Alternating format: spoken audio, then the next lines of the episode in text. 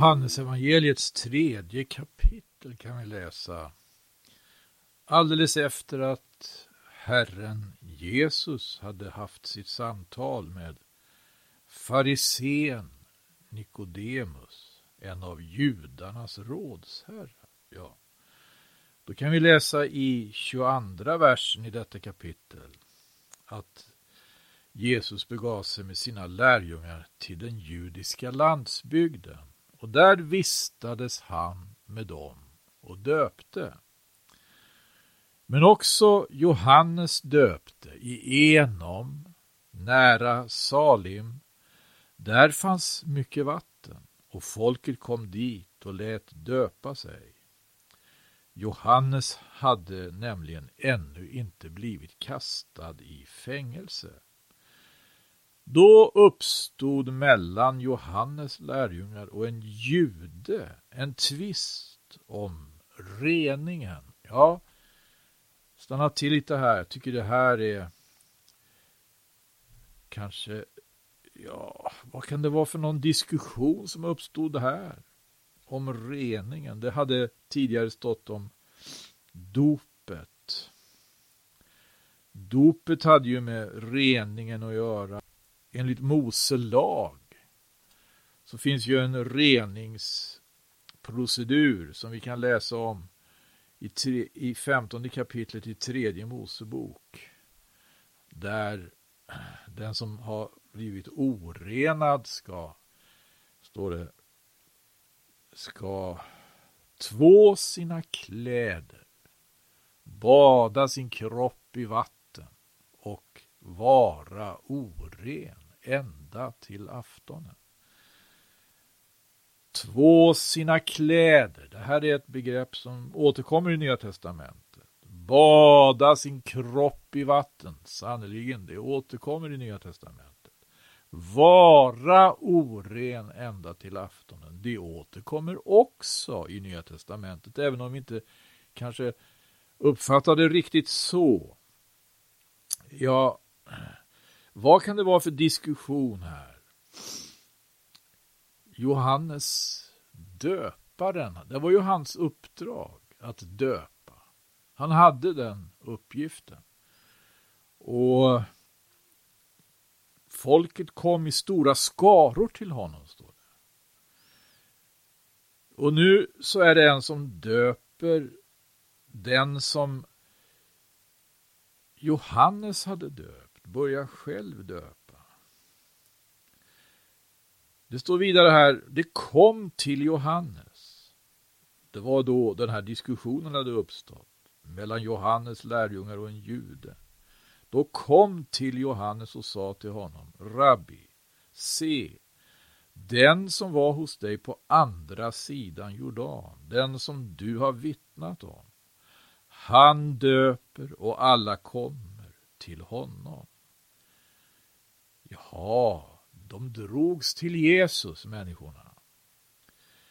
Istället för att dras till Johannes. Och Jesus döpte. Det finns en... Eh, det står någonstans i sammanhanget att det var inte Jesus själv som döpte. Utan hans lärjungar. Kapitel 4, vers 2. Men vad kan det vara för fråga? Vad kan det vara för diskussion om reningen? Reningen. Och Johannes hade uppdraget att döpa. Det var bättringens dop till syndernas förlåtelse. Det handlar verkligen om rening det. Men nu kommer en annan. Det står inte som Johannes hade döpt, det sa de inte, men som Johannes hade vittnat om. Han döp och alla kommer till honom. Här uppstod alltså någon slags eh, konkurrens då mellan Johannes döparens verksamhet och Jesu verksamhet. Ingalunda. Vi ska se här hur Johannes svarar. Vad tror ni diskussionen handlar om? Nu har vi gått till denne Johannes döpare och låtit döpa oss. Ska inte det vara nog med det då? Nu har den här kommit också. Ska vi döpas av honom också då? Det räcker väl med ett dop, eller hur är det här egentligen? Vilket dop ska vi döpas med nu då? Han som heter döparen. Vi har låtit oss döpas av honom. Han som heter döparen, hans dop måste väl vara förnämare än den här mannens dop. Men ändå så har han ju sagt om den här mannen att eh, den mannen är större än han själv. Ja, vi ska se hur Johannes tog det här då. Det står så här i, vidare i 27 versen. Johannes svarade och sa En människa kan intet taga om det inte blir henne givet från himlen. Ni kan själva ge mig det vittnesbördet. Det var ju frågan om att ge någon ett vittnesbörd. Ja, då kan ni ju ge mig det vittnesbördet att jag sa inte är jag Messias. Jag är bara sänd framför honom. Han eh, flyttar här uppmärksamheten från vad till vem? Vad, det var inte det avgörande här. Vad det var för procedur. Det var frågan om vem, vem det var. Och vem som var Messias och vem som inte var Messias. Här var det en som svarar ni kan själva ge mig det vittnesbördet att jag sa jag är inte Messias. Jag är bara sänd framför honom. Och så klargör han här positionen, sin position i förhållande till Jesu position. Och det gör han bland annat på det här sättet. Brudgum, säger han, är den som har bruden. Men brudgummens vän som står där och hör på honom han gläder sig storligen åt brudgummens röst. Den glädjen är mig nu given i fullt mått. Det var väl en fin bild. Det är så som sig bör att han växer till och att jag förminskas. Och sen säger han någonting som jag tycker är så oerhört märkligt. Den som kommer ovanifrån han är över alla. Den som är från jorden. Han är av jorden och av jorden talar han. Ja, den som kommer från himmelen. Han är över alla och vad han har sett och hört, det vittnar han om och likväl tar ingen emot hans vittnesbörd. Johannes döparen, hade inte han ett uppdrag från Gud? Visst hade han det. Om vi går till Matteus evangeliets 21 kapitel så är det Jesus som talar om Johannes. Och det handlar om eh, det kom några då, ställde en fråga. Han var i Jerusalem, Herren Jesus med sina lärjungar. Och han rörde sig kring templet och gick in i templet också. Det står i 23 versen i 21 kapitlet i Matteus evangelium. Att han hade kommit in i helgedomen. Och då trädde överste prästerna och folkets äldste fram till honom där han undervisade. Alltså fram till Jesus. Och det sa med vad myndighet gör du detta och vem har givit dig sådan myndighet? Jesus svarade och sa till dem, också jag vill ställa en fråga till er. Om ni svarar mig på den så skall också jag säga er med vad myndighet jag gör detta. Johannes döpelse, alltså Johannes döparens dop, varifrån var det? Från himmelen eller från människor? Vem hade givit Johannes uppdrag? Det är helt klart i Nya Testamentet och även i Gamla faktiskt att Johannes döparen hade sitt uppdrag från Gud. Men här utmanar Jesus då överste prästerna och folkets äldste och ställer just denna frågan. Varifrån? Varifrån kom det här? Johannes dop från himmelen. Alltså från Gud eller från människor. Då överlade med varandra det var också en överledning. Och så sa de, om vi svarar från himmelen, så frågar han oss. Varför trodde ni honom då icke? Och om vi svarar från människor, då måste vi frukta för folket. Alla håller ju Johannes för att vara en profet. Det svarade alltså Jesus och sa, vi vet inte det. Vi vet inte. Då sa han till dem, ah, jag säger inte heller då till er med vilken myndighet jag gör det. Så Johannes uppdrag, det var helt klart från Gud. Men här står Johannes och säger Den som är av jorden, säger han. Han är av jorden. Men det är väl logiskt. Den som är av jorden, han är av jorden. Och av jorden talar han. Men den som kommer från himmelen, han är överallt. Det här är ju helt förunderligt. Hur? Inför Jesus, denne gudsman som hade ett uppdrag från Gud. Fullständigt erkänner sig vara utblottad inför, inför den som faktiskt är Messias. Inför den som är Guds son.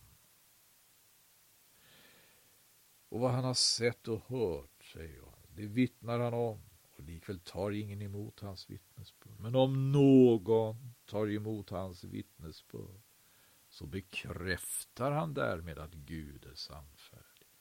Ty den som Gud har sänt, han talar Guds ord. Gud ger nämligen inte anden efter mått. Fadern älskar sonen och allt har han givit i hans hand. Vad märkligt. Vad märkligt den profeten, den siste profeten i gamla förbundet, han som står där på tröskeln mellan det gamla och nya förbundet. Han som har Mose lag och som har en särskild skolning i öknen talar om Gud så märkligt. Han talar om Gud som fader och så. Fadern älskar sonen och allt har han givit i hans hand. Den som tror på sonen, han har, gjort, han har evigt liv. Men den som inte hörsammar sonen, han ska inte få se livet, utan Guds vrede förbliver över honom. Han sa så här, Johannes döparen, den som är av jorden han är av jorden. Och av jorden talar han. Det var alltså så han bestämde skillnaden mellan sig. Han gjorde det på flera sätt här ser vi. Eh, bestämde skillnaden mellan sig och sitt uppdrag och Jesus och Jesu uppdrag. Det var nämligen så att man fattade här att Jesus och hans lärjungar, det var hans lärjungar som döpte, att de döpte och de drog ännu större skaror till sig. Att det här skulle liksom vara en orsak till, ja det blev ju en orsak till den här diskussionen. Vilket dop ska vi då döpa? Här står självaste Johannes döparen och han säger att han är av jord. Och han talar av jord, precis som han inte hade någonting då. Nej men inför Jesus. Om det skulle vara så att det var ett konkurrensförhållande, uppstått ett konkurrensförhållande och det skulle bli någon diskussion om vad berättigat var egentligen det Johannes döparen gjorde i förhållande till det Jesus gjorde. Ja, var inte det Johannes gjorde egentligen mer berättigat? Han hette ju, han kallades ju döparen. Var inte det mer berättigat då? Att låta sig döpas av honom och låta sig döpas med hans dop än att döpas med något annat dop. Men när den här frågan uppstår och det handlar om vem som har något och vem som har något berättigande eller vad som är berättigat, då gör han klart för dem att han har ingenting i jämförelse med Jesus Kristus. I jämförelse med Jesus Kristus är han av jorden. och han är alltså av jorden. Och han talar av jorden. Det här påminner ju direkt om ett ord i första Korintierbrevet då aposteln Paulus undervisar om uppståndelsen från de döda. Och han skriver om den första människan. Den första människan. Paulus brev till Korintierna kapitel 15 och vers 45. Han påminner om vad som står skrivet. Den första människan, Adam, blev en levande varelse med själ. Det står ju i första Mosebok det. Den första människan, Adam, blev en levande varelse med själ. Den siste Adam åter blev en levandegörande ande. Den siste Adam, det är Jesus Kristus. Han blir kallad här för den siste Adam. Aposteln undervisar om Jesus Kristus. Om hoppet till honom, om hoppet till Gud, om Jesu uppståndelse och allas uppståndelse och deras uppståndelse som hör Herren Jesus Kristus till. Och han skriver om Jesus här, han påminner om det här ordet. Den första människan, Adam, blev en levande varelse med själ. Den sista, åter, den sista Adam åter blev en levande, görande ande. Lite grann om skillnaden mellan själ och ande. Den som har själ, han lever visserligen. Han lever själv. Den som har själ lever. Men den som, den som har blivit en levande, görande ande, han inte bara lever själv, han gör levande. Och i vers 46, men icke det andliga är det första, utan det själiska. Sedan kommer det andliga. Det kan vara värt att fundera på, men jag ska inte göra det så mycket nu. Den 47 versen går vi till. Den första människan var av jorden och jordisk. Den andra människan är av himmelen. Eller som det riktigare heter, den andra människan är Herren av. Den första människan var av jordisk, var, var av jorden och av stoftet. Den första människan var av jord. Det här påminner väl om det Johannes sa då, när han svarade på frågan om eh, att Jesus och hans lärjungar döpte. Han sa, den som är från jorden, han är av jorden. Den som är från jorden, han är av jorden, av jorden talar. Han identifierar sig, verkar det som, mer med Adam här då. Han identifierar sig med Adam mer än med Jesus. För det står ju här, den första människan och Adam står det i första Korinthierbrevets 15 kapitel 47 vers.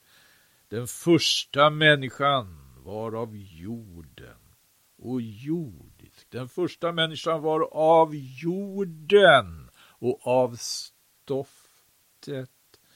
Den andra människan är Herren av himmelen. Den första människan. Johannes döparen identifierade sig inte så mycket med Jesus då som med Adam. Naturligtvis, därför han var ju också som alla människor är. Som alla människor har Adam till sitt ursprung, den första människan. Den första människan som begick överträdelse mot Gud. Syndaren. Han identifierar sig. Det gör han ju också. Det, när Jesus kommer för att låta döpa sig av Johannes i floden Jordan. Då vet vi vad Johannes säger. Jag, säger han, behövde döpas av dig och du kommer till mig. Det skulle vara det riktigare det. Att han skulle bli döpt av Jesus och inte tvärtom. Han identifierar sig helt riktigt. Jag vet inte om det är bara det här, men det finns nog någonting av det va? eftersom det står så likalydande här. Den första människan var av jorden och av stoftet. Den andra människan är Herren av himmelen. Det är likalydande ord om att vara av jorden, av jorden. Tala till och med, säger han. Tala, identifierar sig med det fallna människosläktet. Adam som föll. Adam som blev utdriven ur Edens lustgård tillsammans med sin hustru Eva. Därför att de hade inte hört Guds röst. De hade inte hört Guds röst. Och när Guds röst hördes, när Guds röst kom, heter det, kom vandrande i lustgården, då, då blev de rädda. Då, det var någonting, det, det var någonting som, det var liksom, det väckte inte hos dem någon lustförnimmelse det. Nej. De blev, det var någonting som skrämde. dem, var någonting otäckt. Va? De måste gömma sig för Gud. De måste gömma sig för Gud. Oh, människosläktets historia är fullt av sådana försök. Fullt av sådana ansträngningar. Att komma undan. Att gömma sig för Gud. Men här står det om en röst som talar. En röst som ingen kan gömma sig för. En röst som talar, inte från jorden utan från himmelen. När Jesus kommer så säger han, mitt budskap, ja, mina ord, jag talar ju från jorden jämfört med denne. Fast han hade ett uppdrag från Gud. och han som kommer ovanifrån, säger han. Han är över alla och vad han har sett och hört, det vittnar han, talar alltså. Visst gör han det. Jesus talar. Och det han har att säga, det kommer från himlen, det som kommer från himlen. Det är intressant också, vi läser i Hebreerbrevet något liknande. I Hebreerbrevets tolfte kapitel. Om och nu är det Mose och Jesus som det görs en jämförelse med. Och det görs en jämförelse mellan två berg. Det ena är Sinai berg som brann i eld. Hebreerbrevets tolfte kapitel och artonde vers.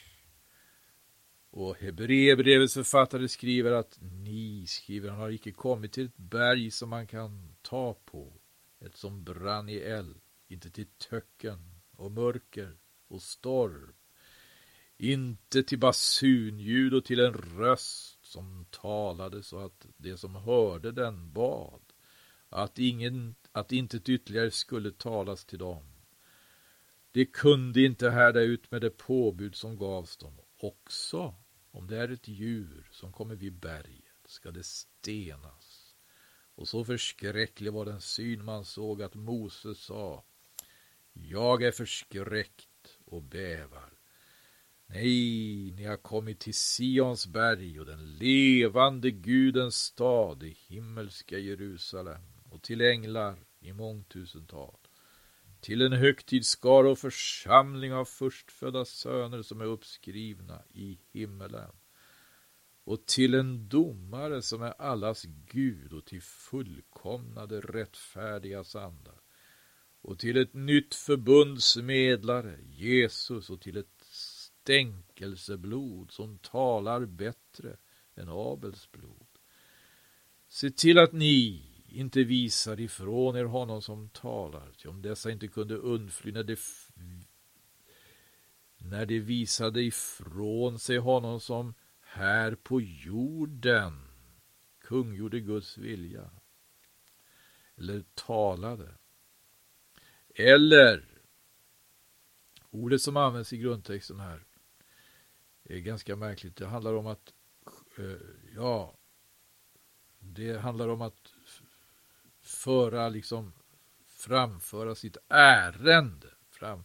Den som på jorden framförde Guds ärende, hur mycket mindre ska då vi kunna det om vi vänder oss ifrån honom som framför sitt ärende från himmelen.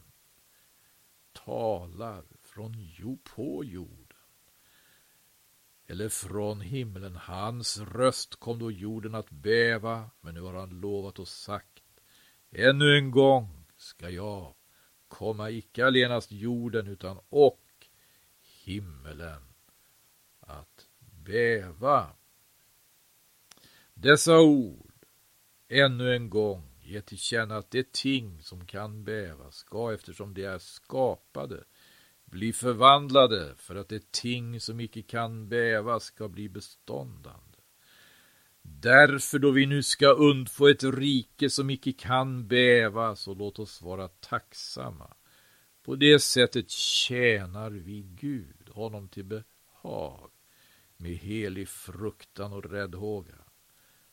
Vår Gud är en förtärande eld. Ja, det här får också bli avslutningen för det här bibelstudiet, det här radioprogrammet. Jag tackar Gud välsigne var och en som hör rösten från himmelen.